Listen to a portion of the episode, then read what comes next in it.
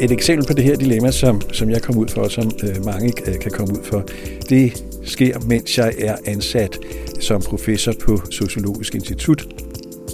Jeg bliver bedt om at lave en opgave for øh, Forskningsstyrelsen. Så får jeg tilsendt en øh, kontrakt, og så ser jeg til min overraskelse altså en paragraf, hvor der står, at det, jeg finder ud af, det må jeg ikke publicere og ikke fortælle til nogen, medmindre jeg får øh, lov til det af øh, Forskningsstyrelsen. Jeg tænker med det samme, det vil jeg da ikke skrive under på, fordi vi skal jo have publiceringsfrihed som ansatte på universiteterne. Det her øh, projekt, det er ikke noget stort, øh, kæmpe projekt, og der er ikke nogen som helst øh, saglig begrundelse for, at der skulle være sådan en tavshedsklausul. Så det melder jeg tilbage til kontorchefen i øh, Forskningsstyrelsen. Så modtager jeg et nyt kontraktudkast, som ser meget anderledes ud, og hvor blandt andet altså denne øh, famøse tavshedsklausul, den er blevet fjernet. Det er en øjenåbner, der får mig til at tænke mere over og interessere mig mere for at også gå i gang med at undersøge, hvordan egentlig begrænsningerne er rundt omkring, øh, hvor der foregår myndighedsbetjening og, og, og andre øh, områder, hvor der er eksterne interesser indblandet med hensyn til begrænsning af forskningsfriheden. Videnskaben når sjældent frem til konklusioner med to streger under. Og ofte giver de resultater, forskerne kommer frem til, anledning til flere spørgsmål end svar. Uanset om det handler om klimavidenskab eller sundhedsforskning. Jeg hedder Louise Skov Drivsholm, og jeg er journalist på Information. I den her podcast-serie, der snakker jeg med forskellige forskere om nogle af de etiske dilemmaer, de står overfor i deres arbejde.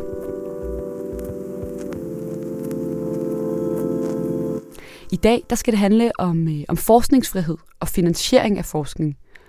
For forskningsfriheden til salg. For at få hjælp til at svare på det spørgsmål, så har jeg fået besøg af Heine Andersen. Velkommen til. Ja, tak. Du er professor emeritus i, øh, i sociologi på Københavns Universitet, og så har du udgivet en række bøger. Og den seneste, den havde øh, titlen Forskningsfrihed, og det er jo netop også det, vi skal snakke om i dag. Ja. Så helt indledningsvis, Heine, kan du så ikke fortælle mig, Hvorfor er forskningsfrihed så vigtigt?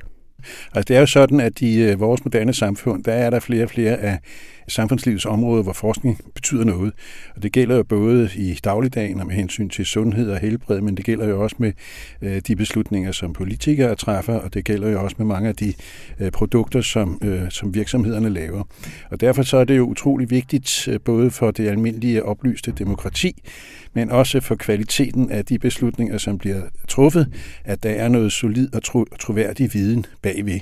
Og det kan man kun få, hvis der er forskningsfrihed, fordi forskningsfrihed, altså friheden til at stille spørgsmål og friheden til at lave de undersøgelser, man har øh, brug for, og friheden til at publicere det, man finder ud af, det er en forudsætning for, at der bliver produceret viden, som man kan stole på. Sådan helt overordnet set, øh, hvordan definerer man så forskningsfrihed? Forskningsfrihed tager ligesom udgangspunkt i den enkelte forskers øh, øh frihed, og det vil sige, at altså, den enkelte forsker øh, skal have høj grad af frihed til at vælge, øh, hvilke forskningsspørgsmål øh, man vil tage op.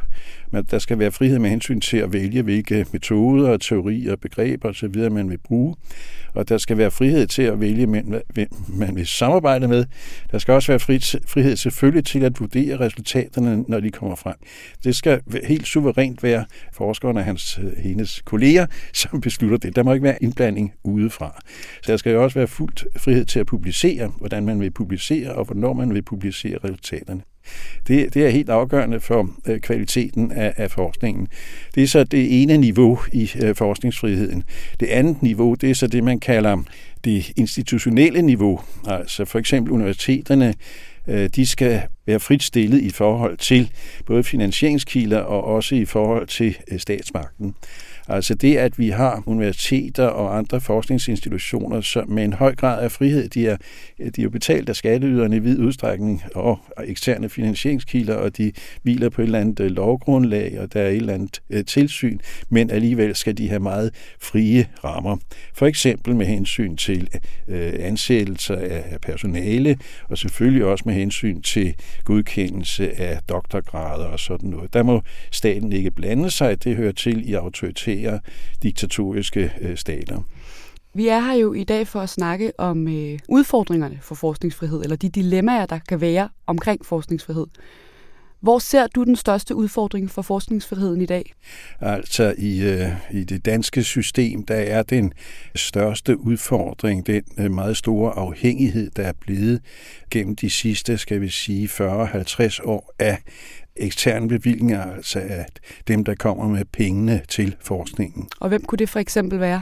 Jamen, det er jo sådan set både øh, staten, men det er også i høj grad altså store fonde, men altså også virksomheder, som, som betaler forskningen, derunder også universiteterne, for at få udført bestemte opgaver. Okay, så det er altså, når pengene kommer til et dedikeret formål, og ikke bare gives frit til, hvad universiteterne lige har lyst til at bruge dem til? Ja, alene det, at man er afhængig af at få bevillinger, altså i stedet for faste bevillinger, så få øh, bevillinger efter øh, projektansøgninger, øh, som er tidsbegrænsede, det begrænser jo øh, friheden. Så hvis man kun kan se, at man har økonomi, øh, hvad skal vi sige, tre år frem i tiden, ja, så er man mindre fri, så er man nødt til hele tiden at tænke på, hvor får vi de næste penge fra. Og det er den situation, som øh, universiteterne er kommet i i stigende grad inden for de sidste, skal vi sige, 40-50 år. Jeg kan godt se, at det giver mening for den enkelte forsker, eller det kan være svært for den enkelte forsker at være pålagt krav til, hvad vedkommende skal forske i, eller kun have, have økonomiske bevillinger til et par år. Men hvorfor er det her problematisk for mig som ganske almindelig borger, der ikke øh, har som profession at forske? Først og fremmest så er det jo øh, øh, problematisk, fordi vi også som almindelige borgere er øh, i stigende grad altså afhængige af, at vi får noget viden om. Det kan være omkring med miljø, det kan være omkring øh, klimaspørgsmål, og det kan jo også være omkring øh, øh, sundhed og, og helbred, at vi hele tiden får nogle øh, oplysninger, som er solidt forankret i forskning, og som vi kan være sikre på, at vi kan stole på. Det har jo stor betydning, både når vi skal øh, træffe beslutninger i vores øh, dagligdag, men jo også når vi skal hen og sætte vores øh, kryds på øh, stemmesedlen og finde ud af, hvad er det egentlig, der er op og ned i de øh, forslag og programmer osv., som politikerne kommer med, for eksempel når det gælder miljø eller klima. Og derfor er det så jo helt afgørende for os, også som borgere, at vi kan få adgang til den nyeste og mest sikre og troværdige viden. Og der er det altså en forudsætning, at forskere har fuldstændig frihed til at lave deres arbejde. Jamen, det er en, det er en forudsætning. At, at der i hvert fald er nogle frirum, hvor de selv kan bestemme, hvad de nu vil øh, forske i, og især altså også selv kan bestemme over selvfølgelig resultaterne, konklusionerne, men også få lov til at publicere det, uden at der er nogen, der skal blande sig i det. Og det kan man sige, det er der altså flere og flere eksempler på, at den frihed, den er ikke til stede.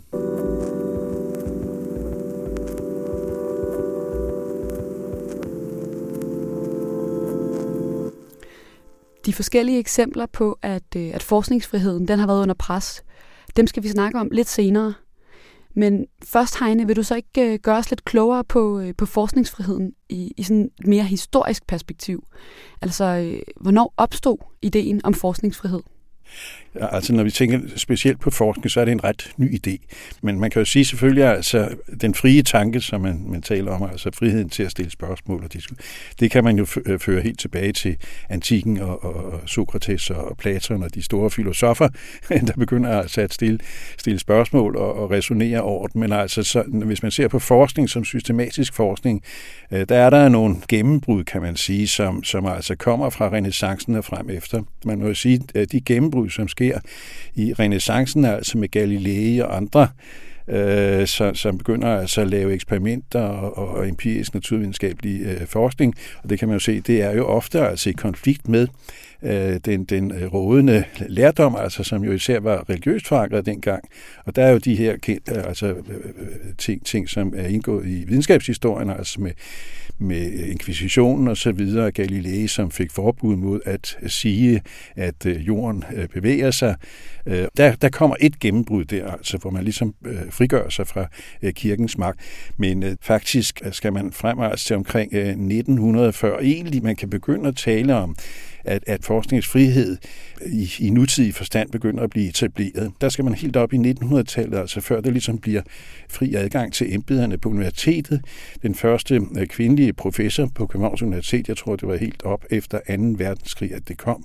Og der var jo ikke adgang til, for kvinder til at studere på universitetet før uh, i 1800 Altså man kan sige, øh, sådan den, den uh, forskningsfrihed i moderne forstand, det er noget, der for alvor begynder at vokse frem der i 1900-tallet, måske i virkeligheden først efter 2. verdenskrig. Så det har altså været en, en, en lang og sej proces. Det har været en lang og sej proces, ja, det har det. Og nu er der så desværre altså noget, der tyder på, at det, der er lidt tilbagerulning igen. Ja, og i din, øh, i din bog Forskningsfrihed, der beskriver du nemlig også, øh, hvordan at øh, forskningsvilkårene i dag er ændret radikalt. Og, øh, og det er blandt andet i forbindelse med øh, øh, universiteterne og forskernes begrænsede selvstændighed, når de er afhængige af at, at skaffe eksterne midler.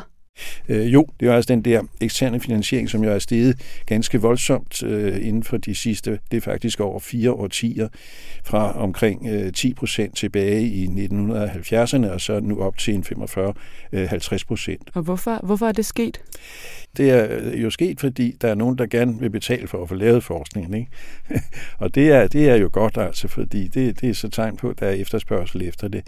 Øh, men så er det jo altså også sket, fordi der er kommet et øh, politisk pres altså for at øh, forskyde finansieringsstrukturen fra det, man kalder basisbevillinger over til eksterne bevillinger der er et pres, altså både, hvad skal man sige, almindeligt som politisk øh, pres, men også faktisk et øh, økonomisk incitament til at øh, jagte eksterne bevillinger. Det er ikke kun det, at man så altså får de der øh, ekstra penge, men man får også en bonus øh, via finansloven, hvis man skaffer eksterne midler. Så der er altså øh, gode økonomiske grunde til at øh, jagte disse eksterne midler, og det gør jo altså, at øh, universiteterne faktisk i stigende grad drives som forretninger. I din bog, der skriver du også øh, om, hvordan at, øh, at forskningsvilkårene de har ændret sig i, i forbindelse med ansættelser på, på universiteterne.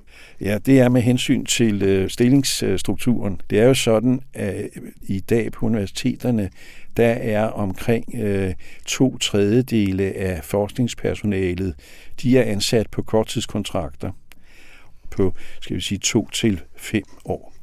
Både ud fra en rationel øh, øh organisationssociologisk øh, eller organisationsteoretisk betragtning, men også ud fra en forskningsfrihedsbetragtning, der er det øh, stærkt foruroligende, for at sige det mildt. Ikke? Det betyder altså, at øh, de mennesker, som er ansat på disse vilkår, de har meget ringe forskningsfrihed, de bliver typisk altså ansat på øh, projekter, som er designet af andre, og de er jo på grund af den øh, øh usikkerhed, de har, så er de ikke i stand til at, ligesom at planlægge langsigtet. Og hvis de vil gøre sig håb om at, at blive i systemet, så skal de jo selvfølgelig også være varsomme med ikke at lægge sig ud med øh, ledelsen, altså øh, at komme med kontroversielle resultater osv. Lad os komme lidt nærmere ind på et konkret tilfælde, hvor at øh, forskningsfriheden er blevet krænket. En sag, der var rigtig meget ballade omkring, det var jo den, der i folkemunde blev kaldt Gyllegate. Ja. Den handlede i, øh, i korte træk om, at, øh, at daværende miljøminister Eva K. Hansen, hun sørgede for, at der blev manipuleret med noget data, som, øh, som forskere fra Aarhus Universitet havde leveret. Og det gjorde hun for at uh, få det til at se ud som om, at hendes landbrugspakke den gavnede miljøet, selvom det reelt ikke var tilfældet. Kan du ikke lige prøve at, at kort rise op, Heine? Altså, hvordan blev forskningsfriheden undermineret her? Jo, altså Gyllegate, det er jo et af de mest øh, øh, skandaløse områder, vil jeg tillade, tillade mig at sige, som jeg var med til at øh, grave frem i forbindelse med de undersøgelser, jeg lavede til min øh, bog. Fordi der kom det jo frem, at øh, myndighederne i mindst 10 år har anvendt øh, nogle øh, kontrakter, når de skulle have universiteter til at lave projekter, som indeholdt nogle øh, tavshedsklausuler, som faktisk var ulovlige. Det fik jo betegnelsen øh, dobbelt mundkursklausuler. Det var en, en bestemmelse i kontrakterne, som var, det var nogle standardkontrakter, som øh, kunne hjælpe med var lavet af kammeradvokaten, øh, statens øh, rådgiver, som skulle være den, en af de højeste ekspertiser inden for juraen, øh, der havde lavet disse kontrakter. Der var der en bestemmelse, øh, som man skrev under på, altså, øh, som øh, sagde, at øh, forskerne de skulle altså holde mund med, hvad de fandt ud af, indtil de fik lov til at sige det. Og hvis ikke de fik lov til at sige det, så skulle de øh, tage det med sig i graven. Det var faktisk indholdet af det. Og øh, det andet, det var så, at øh, de måtte ikke engang sige, at de havde skrevet under på sådan en kontrakt. Det var derfor, de fik benævnelsen dobbelt mundkortskontrakt. Og øh, den har man altså brugt, i hvert fald i, i adskillige ministerier og i, ved mindst fem universiteter, uden at nogen havde øh, protesteret. Og det betyder jo altså, at vi faktisk ikke ved, hvor mange øh, ubehagelige resultater, der kan være kommet frem gennem årene, men som så er blevet pakket ned og aldrig er kommet ud til offentligheden. Men det vi ved, det er jo, at i forbindelse med Gyllegate, der havde vi jo et eksempel på, at at øh, nogle resultater, som altså forskere ved Aarhus Universitet var kommet, fremkommet med, de blev øh, holdt hemmelige, indtil ministeren havde forhandlet en lovpakke igennem på basis af nogle øh, tal, hvor man havde fiflet med de oplysninger, som var kommet fra Aarhus Universitet. Og det vil sige, hvis øh, disse tal havde været offentligt tilgængelige, så havde man formentlig ikke fået vedtaget den lovpakke, som så blev vedtaget der i februar 2016. Og det er jo et meget konkret eksempel på, at krænkelse af forskningsfriheden, den har været til, øh, givet skade på miljøet. Man har truffet nogle beslutninger, som var mere skadelige for miljøet, end de ville have været, hvis man havde haft de øh, fulde oplysninger øh, øh, lagt frem, da forskerne kom med deres rapport. Og det er jo et område, altså, hvor den politiske myndighed er en, er en virkelig alvorlig øh, klemme på universitetet, for at sige det øh, direkte. Ikke? Det er en økonomisk klemme, som er meget svær at ignorere, hvis man er leder på universitetet og gerne vil sikre driften og også sikre øh, øh ansættelsesforhold og videre for, for medarbejderne. Ikke? Der er jo ikke nogen øh, dekan eller rektor, som øh, står frem og siger, at vi, vi synes ikke, forskningsfrihed er så vigtigt. Det synes de jo alle sammen, men altså man kan være mere eller mindre presset til at gå på kompromis i sådan nogle dilemmaer der, hvor, hvor der er de her penge på spil. Ikke? Ja, det var jo så et eksempel på, hvad der kan gå galt, når myndighederne de pludselig bliver øh, interesseret i at få leveret forskning på forskellige områder. Men hvad er der af problemer forbundet med, øh, når det er de private fonde, der finansierer forskningen? Man skal for det første nævne, altså det er jo i hvert fald med en del fonde, der er det jo sådan, at de øh, begrænser de områder, inden for hvilke de kan yde finansiering. For eksempel er det sådan med Lundbækfonden, at der står direkte i, øh, i deres øh, fundats, at fonden altså skal både skal tage hensyn til Lundbæk, altså virksomhedens øh, forretningsmuligheder, og selvfølgelig også også tage hensyn til, til, til forskningen. Og det gør, betyder så også, at nogle fonder, altså Lundbækfonden i hvert fald, og også Novo, øh, de finansierer så kun inden for et område, som har i hvert fald et eller andet at gøre med virksomhedens øh, drift og forretningsgrundlag. Ikke? Så der er altså en begrænsning med hensyn til, hvad man kan få penge til. Men kan man virkelig forvente, at eksempelvis Novo, der har opbygget et imperium, kan man nærmest kalde det, på, på diabetesapparater, ja. at de skulle være interesserede i at finansiere historieforskning eller integrationsforskning? Det kunne man jo sådan set godt for Og nu må jeg jo sige, altså man kan jo tage andre eksempler. Altså øh, Carlsbergfondet, de betaler jo til øh, arkeologiske forskning, udgravninger nede i Ægypten og sådan noget. Det er lige ud fra en, en grundlæggende interesse, og det er selvfølgelig også måske med til at brande virksomheden, ikke? Altså, at den gør noget for kulturen og sådan noget, så det kan altså lade sig gøre. En, en anden fond, øh, som finansierer øh, bredere, det er sådan en som Velux-fonden. Det, man skal ikke forske i ovenlysvinduer for at få penge i Velux-fonden. Der kan man godt få penge til at forske i humaniora og, og, og samfundsvidenskabelige områder. Og altså, det er jo fordi, det er en, en, en de er velhavende fond, som, som altså har skrevet en masse penge sammen, blandt andet altså i kraft af, af skattefordele og sådan noget, og som gerne vil give noget tilbage til, til samfundet og kulturen. Og, og selvfølgelig måske også tænke lidt på, at det kan øh, brande virksomheden, ikke? Så, så nogle forskere begynder at tale øh, pænt om den og sådan noget. Men så det, hvorfor skulle man ikke kunne gøre det, altså, når man har så mange penge? Men hvad kan den her bias, som altså bliver skabt af, at øh, fondene er mere tilbøjelige til at uddele penge til, til nogle typer projekter end til andre, hvad kan den her have konkret betydning for selve forskningen? Ja, det andet det er jo så, altså, om der kan være en eller anden øh, indbygget bias, som, som måske ikke er til at påvise sådan direkte formelt, men altså alligevel, at forskerne de er tilbøjelige til at vælge noget, som, som kan gavne virksomhedens forretningsområde. Og måske også, at prioritere øh, resultater, som der er et eller andet kommersielt øh, øh, potentiale i. Jeg var, øh, kan illustrere det altså med, en, med bare en lille øh, anekdote. Altså jeg snakkede med en, en direktør fra et af et center, som Novofonden havde finansieret med, med 3 kvart milliard, tror jeg det var. Så øh, spurgte jeg ham, hvis nu vi havde søgt 3 kvart milliard, og så skrevet, at vi vil gerne bruge de her øh, penge til at finde ud af, hvordan folk undgår at få sukkersyge. Fordi hvis vi finder ud af det, så kan øh, Novo slippe for at lave alt det insulin, som de sælger, og så kan de begynde at lave noget andet.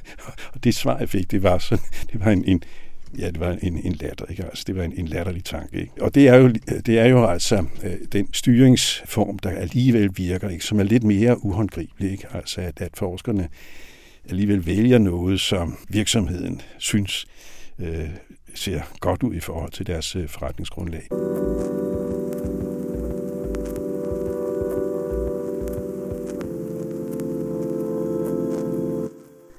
Lad os snakke lidt om begge sider af det her dilemma. Altså finansiering på den ene side, og så forskningsfriheden på den anden. Ja. Hvis du helt kort skulle, øh, skulle kondensere, hvorfor er det så så stort et problem for forskningsfriheden, at øh, forskningen i stigende grad bliver finansieret af eksterne bevillinger, altså uanset om de kommer fra myndighederne eller om de kommer fra private fonde? Jamen altså, det er det jo grundlæggende, fordi et, et usikkert økonomisk grundlag, det altid vil begrænse øh, friheden. Og hvis det så er sådan, at der også er disse stærke interesser på spil, som kan, øh, hvad skal man sige, udnytte usikkerheden til egen fordel, så er det, øh, problemet opstår. Men man kan sige, at jeg sidder jo også her i dag og laver den her podcast med støtte fra Lundbæk-fonden. Ja, og det ja. betyder jo ikke, at jeg tør gå, ikke tør gå kritisk til Lundbæk eller til deres finansieringsmodel. Det er jo faktisk lige præcis det, programmet i dag handler om. Du har også allerede selv nævnt Lundbæk. Ja, jo, jo. Hvorfor skulle det være så anderledes for forskningen? Øh, selvfølgelig øh, skal man heller ikke øh, male alt, alt sort. Der er også frihedsgrader stadigvæk, altså også med, med penge fra fondene. Men der, derudover så må man selvfølgelig sige, at det gør jo altså en forskel, om det nu handler om at godkende et nyt medicament, Øh, for eksempel, eller det handler om at, ja, at lave sådan et interview, som du er i gang med. Altså, der er forskel på, hvor stor økonomisk betydning det har for øh, den pågældende eksterne øh, finansieringskilde. Ikke? Anne-Marie Engel, der netop er forskningschef i Lundbækfonden, hun har tidligere udtalt information i forbindelse med, at vi også har haft interviewet dig om din nyeste bog, Forskningsfrihed. Der har hun udtalt, at hun mener, at vi i Danmark har stor forskningsfrihed, netop fordi vi har, som hun siger i citat, stor diversitet i finansieringsmulighederne. Det er der vel også noget om? Øh, jeg er, øh, jeg er enig i, at det er godt, at vi har et øh, pluralistisk finansieringssystem, hvor der er forskellige pengekasser, man kan få, få penge fra. Det er med til at give nogle større frihedsgrader. Men jeg vil sige, at man kunne tage Lundbæk-fondens og andre fondes øh, bemærkninger mere alvorligt, hvis de for eksempel ville betale fuld pris for deres projekter. Og hvad mener du med, at de ikke betaler fuld pris? Ja, det betyder altså, hvis, hvis Novo kommer med, med 3 kvart milliard kroner, det er mange penge til øh, Københavns Universitet, der siger, at vi ikke gerne have den, vi får det som en gave, så er det jo svært at sige nej. Men det der er sagen, hvis man skal sætte et center i gang for 3 kvart milliarder, så koster det altså noget i husleje, i varme, parkeringspladser, rengøring. Øh, der skal også betales til rektor og dekaner har brugt meget tid på det. De skal også have betalt øh, løn. Der er en række følgeomkostninger, indirekte omkostninger, som, øh, som Novofonden så ikke betaler en krone til. De betaler højst de direkte udgifter til, til løn og så videre. Ikke? Og det vil sige, så skal, når Københavns Universitet modtager en bevilling på de her 3 kvart milliard kroner, så skal de ned og kigge budgettet, og det er måske en halv milliard kroner, de skal finde for at kunne modtage det her projekt blandt de midler, som de ellers skulle bruge til øh, fri forskning. Og det vil sige, at de kan risikere, og det har vi jo set eksempler på, selvom de øh, ikke vil indrømme, at der er sådan en direkte sammenhæng, at for at få råd til at modtage disse milde gaver udefra, så er de nødt til at fyre nogle professorer på et andet område. Og det er jo en, en begrænsning af, af friheden. Og det, der har jo så fondene hidtil, de fleste fonde i hvert fald, de har været fuldstændig stedige med hensyn til at åbne pengekassen for at betale de fulde omkostninger. Og der vil jeg sige, hvis øh, fondene vil begynde at, at betale de penge med, så vil jeg lytte noget mere til deres øh, rosende bemærkninger om det her med, at der er, er forskellige finansieringskilder og sådan noget. Ikke? Men altså, man kan vel ikke forvente for at sætte det lidt på spidsen, at fondene betaler universitetets afledte elregninger. Altså, hvis det virkelig er så dyrt og besværligt for universiteterne at modtage de her penge, så kunne de vel bare sige nej? Jo, det kan, hvorfor, hvorfor skulle man ikke kunne forvente det? Altså, de, er, de er jo stenrige, de bliver øh, rigere og rigere. Ikke? De har svulmende pengekasser på mange måder. Så har de skattefordele. Fondene har 100% øh, fradrag for de penge, de bevilger øh, til forskning som øh, skatteyderne er med til at, at betale. Hvorfor skulle de oven i de øh, fordele, de har i forvejen, også beslaglægge en del af universiteternes basisbevillinger, som egentlig er beregnet til fri øh, grundforskning, eller måske nogle af de penge, som egentlig er beregnet til undervisning. Hvorfor skal de også medgå til at finansiere de øh, projekter, som øh, øh fondene gerne vil have øh, gennemført? Det er meget svært at se en god begrundelse for det.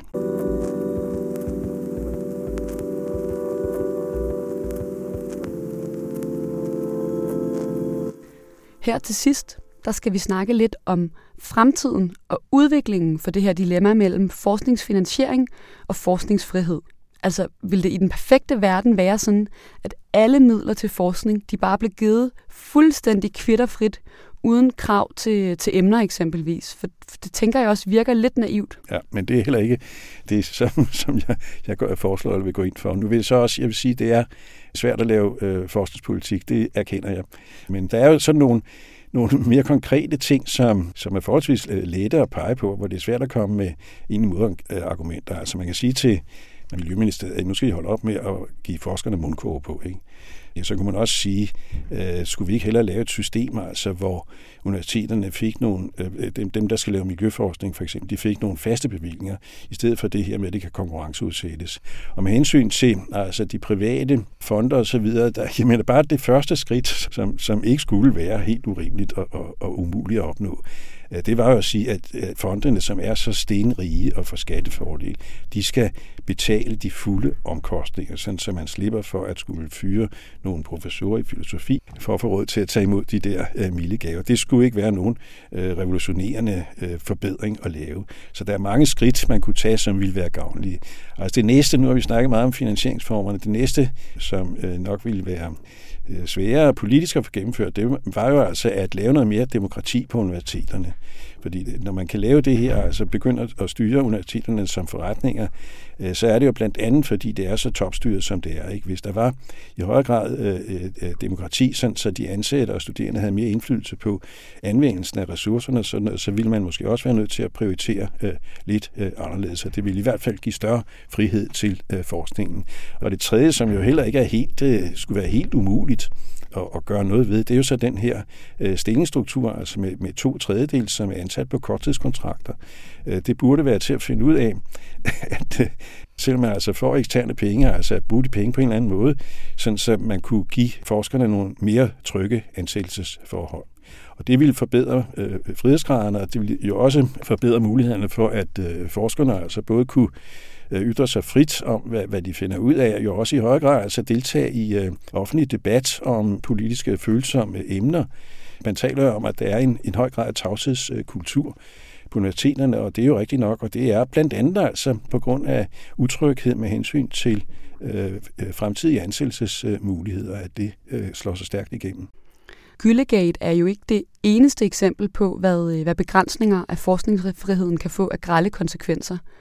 Medierne har jo også skrevet om, øh, om andre forskere på, på Aarhus Universitet og på Copenhagen Business School eksempelvis, som har fået mundkurv på. Og så har vi jo i dag en, øh, en amerikansk præsident, der, der afviser videnskabelige fakta, eksempelvis på klimaområdet. Men altså, ser du nogen tegn på, at der kommer større fokus på vigtigheden af forskningsfrihed?